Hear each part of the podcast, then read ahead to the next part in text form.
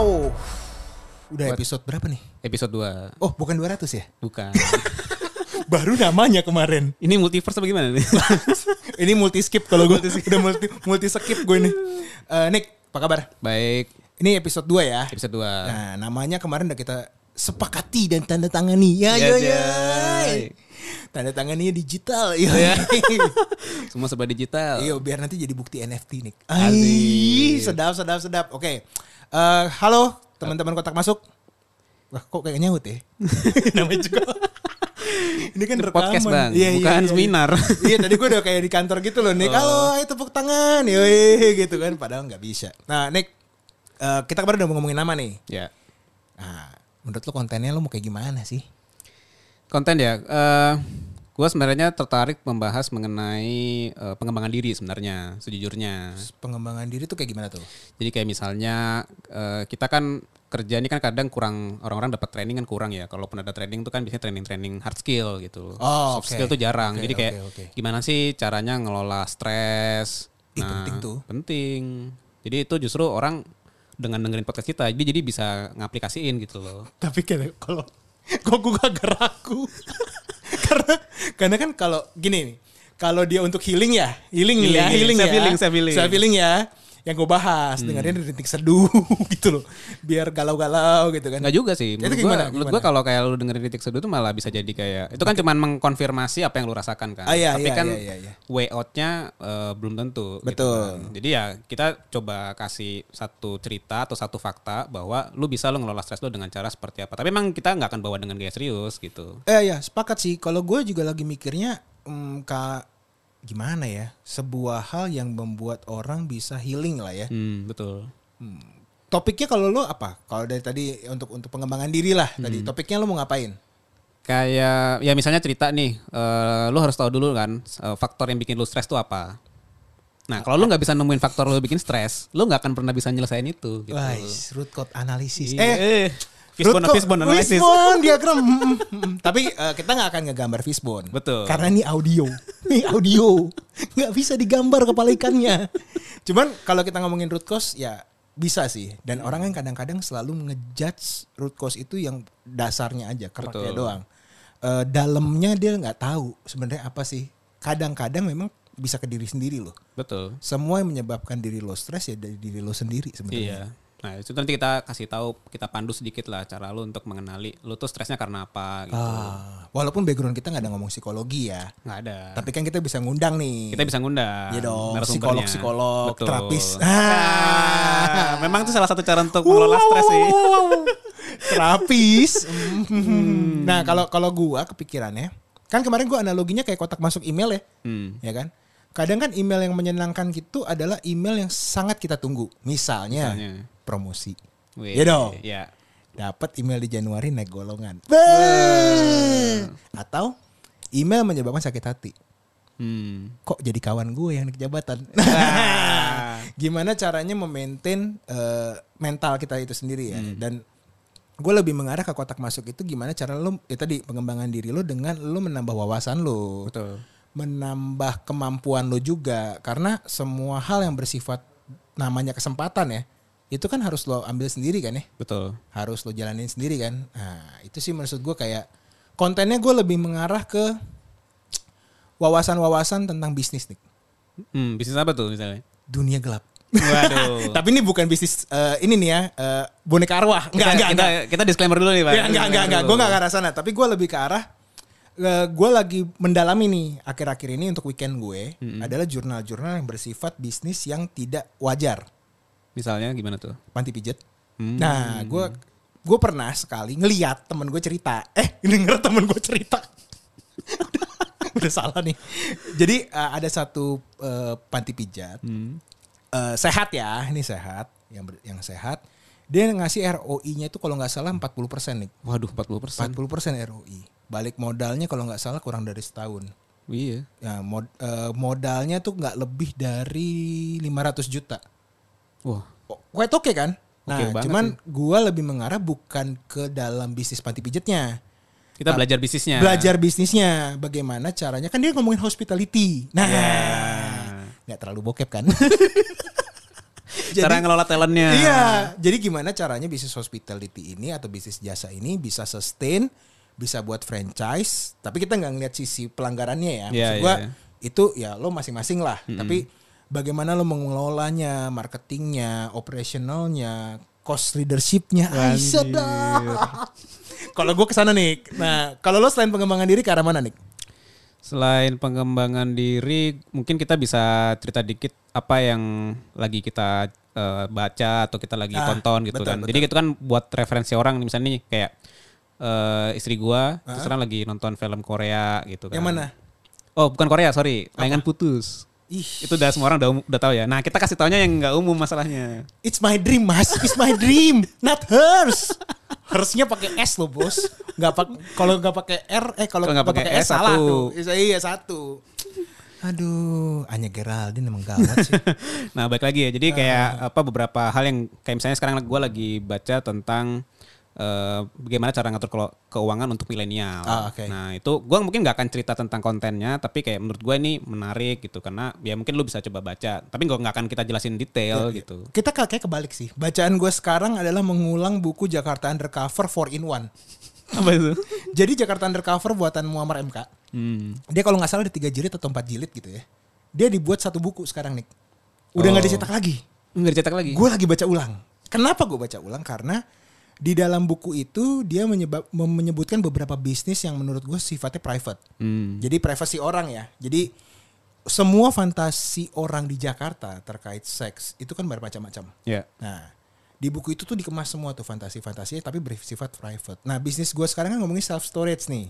Waduh. Nah, ada yang bersifat privasi orang kan. Bagaimana caranya gua membuat bisnis gua sekarang eh, private, jadi orang bisa nyimpen apa aja tapi tidak melanggar undang-undang ya. Ya. Eh, mereka nyaman, eh, cara marketingnya gimana? Gue lagi baca ke sana. Ini sebagai gimmick-gimmick aja sih. Boleh juga tuh bang, kita mungkin satu satu apa satu kali waktu kita bahas tentang bisnis bisnis gitu ya. Kita bedah Iya, tadi iya, kayak yang lu iya. bilang panti pijat itu dari Iya. sisi bisnisnya gitu. Wah boleh juga tuh menarik. Tapi kalau narkoba gue nggak berani. Janganlah, jangan. Karena kita bisa diciduk. Ntar dibilang harus buka ini lagi pem- perdagangan narkoba. Enggak lah, kita eh, bisnis-bisnis yang menurut gue gini lah. Kayak dulu, kayak kemarin di Twitter ada memes nih, Nick. Hmm. Eh, lo gaji 5 juta, 10 juta, pada ngeluh ya kan. Tukang parkir 2000 per menit men. 2000 rupiah per menit. Gua kali nih kemarin nih gue buat. Ada satu Twitter gue langsung komen di situ. Kalau 2000 per menit, dia 6 jam kerja, 20 hari kerja, dia dapat 14,4 juta men. Sebulan. sebulan. Sama tuh gue juga ngeliat kadang ada Pak Oga kan. Nah. Pak Oga ini kan biasanya kagak ada tiba-tiba muncul. Muncul, ya tapi kan? gope kan. Tapi gope. Nah, lo gope, lo bayangin tuh. Mungkin dia bisa 2500 tuh per menit. Ya nggak Iya. jauh-jauh beda sosok ya. Teman orang-orang ya biasa ya. So, SJW langsung komen ke postingan gue gitu nih. Tapi kan belum sama sawerannya. Eh gue kan gak peduli. Ngapain gue ngitungin sawerannya ya nggak? Ini kan kalau kita ngomongin tentang eh, opportunity yang ada di jalanan. Ya kan? Dan Iya. eh, nggak semua orang tahu. Bisa jadi kita kita nanti undang juga gitu loh. Eh, pebisnis-pebisnis yang misalnya kayak tukang mie ayam. Kenapa sih bisnis mie ayam di mana pun di Gang Jakarta pasti ada.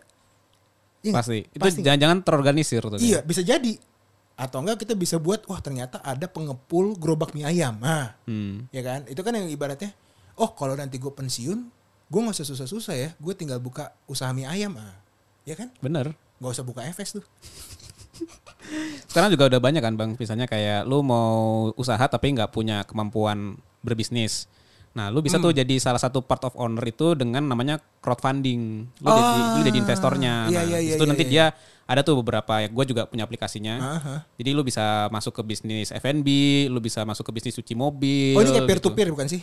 Bukan kalau peer to peer kan lending kan. Iya. Kalau ini lu chip in sebagai investor Oh, gitu dengan nilai ya? eh, yang mungkin bisa dari satu juta rupiah gitu lu bisa jadi investor. gitu. Wow keren banget. Keren. Nah itu bisa juga kita bahas tuh nanti di episode tertentu kan. Iya karena di zaman sekarang memang eh, selain wawasan lo butuh keberanian ya untuk menginvestasi ya. Betul. Yang penting kan lu punya strategi aja. Uang yang dingin lu tanam. Betul. Nanti 2 tahun tiga tahun lagi jangan-jangan di situ jadi lumayan kan hasilnya kan. Betul, betul. Karena eh, ini kan prinsipnya kalau di dunia ini kan lu seberapa gaul lah, Betul. seberapa lo luas wawasan lo untuk lo jangan cuman untuk eh, FYI diri lo sendiri, Iya. tapi lo harus berguna juga buat orang lain ya nggak sih? Betul. Is. Ih, sedap. Ih, omongan CEO, CEO macam betul, macam betul. Cuman kalau sore-sore gini nih Nick ya. Ini kan lagi rekaman nih di studio box to box nih Nick ya. Box to box. Kalau gue lihat bisnisnya mereka juga ini lagi growing juga nih Nick. Betul, sekarang kan zamannya orang bikin konten kan gampang kan lewat Yes. Instagram, lewat TikTok. Nah, itu sebenarnya kalau diseriuskan dan dibikin eh, manajemennya lebih rapi, itu bisa lumayan, Bang, hasilnya. Iya iya iya karena gue juga ngeliat eh, populasi TikTok itu sekarang udah menja- udah melewati Instagram loh. Hmm. Ada jadi ini satu infografis kemarin gue baca singkat lah ya karena Iya. kan kalau zaman sekarang lu baca jurnal lu pasti butuh waktu, Betul. ya kan. Tapi kan kalau lu di Instagram ngeliat ini apa hadada apa hadada juga susah. Iya. Iya dong. Kentucky maksud gue Kentucky, Kentucky. Pahadadanya Kentucky ya. jadi kan kalau gue kan biasanya kan ada satu itu kan untuk yang lihat eh, infografis, financial atau enggak data-data analis. Betul. Sekarang kayak, kayak kata data.co ya kan tuh enak tuh. Nah di situ lihat bahwa memang populasi TikTok udah di atas Instagram dan semua orang sekarang memang mayoritas menggunakan TikTok. Dan itu kan juga generasi yang eh, Z atau apa gitu ya bahasanya sekarang ya. Yang anak-anak muda banget lah pokoknya. Z, Z. Nah, Z ya. Ya. Mereka menggunakan itu untuk eh, sosial medianya mereka, untuk mereka nambah wawasannya juga dan memang di situ filternya ya udah diri sendiri sih. Iya, maksudnya kadang-kadang kan dulu ya, gua termasuk orang pada saat TikTok di tahun 2000 mungkin 19 ya, itu joget-joget. Iya, iya, gitu. iya, iya, Tapi justru sekarang malah malah banyak konten edukatif sih kayak cara bikin mie dengan gaya baru gitu. Terus misalnya cara bikin buka franchise itu di situ ada. Eh, Kalau misalnya loser tuh ada gitu. Apa sih namanya FYP ya? FYP FYP Itu apa sih kepanjangannya? For your page. Ih, for your page mati. LOL deh. Ya. Bukan LOI ya. Eh, LOL itu apa tuh? Letter of intent. Sekalian aja MOU bos. Oke, gue tadi gue tadi tersinggung. Eh, gue langsung kepikiran gini nih. Kalau kita ngomongin tentang zaman sekarang ya, nah, kan tadi lo bilang kan kita kan ya bebas lah untuk berkreasi segala macam untuk eh, mengembangkan diri kita ya kan. Nah masalahnya eh, kalau kita terlalu serius juga di podcast ini agak bosen kan ya. Iya, makanya jangan sampai terlalu serius sih. Iya, karena gue juga ngeliat sekarang nih kalau gue nyari orang eh, anak anak magang lah ya bahasa sekarang intern Intern intern. gue kayaknya udah bener-bener kelewat kelewat tua sih untuk ngobrol sama mereka ya. Ya sebenarnya yang penting bangun komunikasinya aja sih. Nah, iya, iya. Cara berkomunikasinya tuh agak beda sih. Ya kita harus kalau kata Panji Pragiwaksono kan kita harus bisa beradaptasi gitu loh bang. Nah itu, itu kan teori Darwin yang sangat asli sih. Iya, Menurut iya. gue eh, salah satu teori Darwin yang masuk akal buat gue ya teori evolusi dan adaptasi karena semua yang tidak beradaptasi pasti mati. Betul. Karena kita bisa lihat juga nanti kan kita ngebahas juga nih bisnis yang sunset Hmm. ya kan mana bisnis yang menjadi pilihan banyak orang Betul. tapi bukan juga scam ya. Ya Karena eh, sekarang juga lo kalau ngomongin tentang scam udah banyak banget tuh topiknya. betul. Banyak banget topiknya dan eh, kasihan kalau orang-orang yang kena ke sana sih menurut gue sih. Dan itu selalu aja, selalu ada kejadiannya sih bang. Kayak apa? Kadang-kadang kan kita mikir apa ya kok orang tuh nggak belajar ya. Tapi ya hal seperti itu selalu ada gitu. Makanya kita punya tanggung jawab juga mungkin sebagai orang yang paham ya. Ya sharing aja gitu. Iya iya iya karena gue sih bukan ngelihat dari sisi ya kita kan juga walaupun pengalaman kita ada tapi kan orang lain juga yang nanti kita undang kan juga pasti punya pengalaman yang lebih bagus dong. Iya, mereka yang lebih punya pengalaman ya mereka mungkin sharing ke kita. Kan kita cuman sebagai yang punya ide aja kan, Betul. punya punya kotaknya aja. Platform, ayo platform, ampun, ampun, Ah, susah buat ya. Eh, Kalau kalau branding menurut gue kita udah oke nih, kotak masuk, konten juga udah kita oke kan. Iya. Ada ada sisi finansialnya bisa, psikologi bisa, red light district juga ayo ya nggak sih? Siap. Dan ini kan sebenarnya untuk positivity dari wawasan kita. Betul. Bagaimana caranya lo dapat insight yang tidak normal. Betul. Ya dong, karena kalau dapat insight normal lo ikut aja di loket.com, Gotix ya kan. Event Bright. Ya, event bright untuk eh, motivasi ya kan. Untuk menambah kepercayaan diri, ya nggak sih?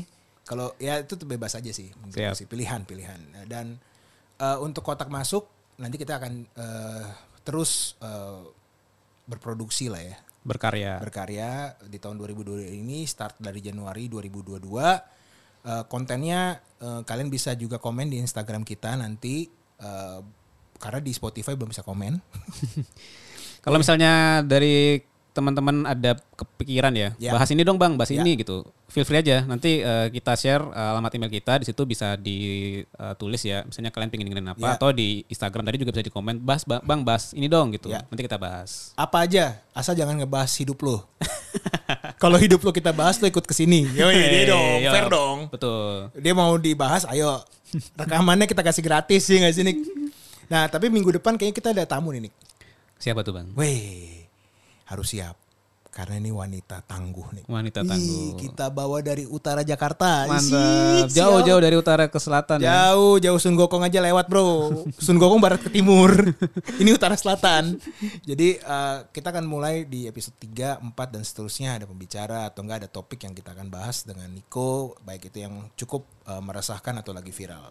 Itu ya sini. Oke. Lanjut Moga-moga moga-moga lancar nih bang. Guys, kita coba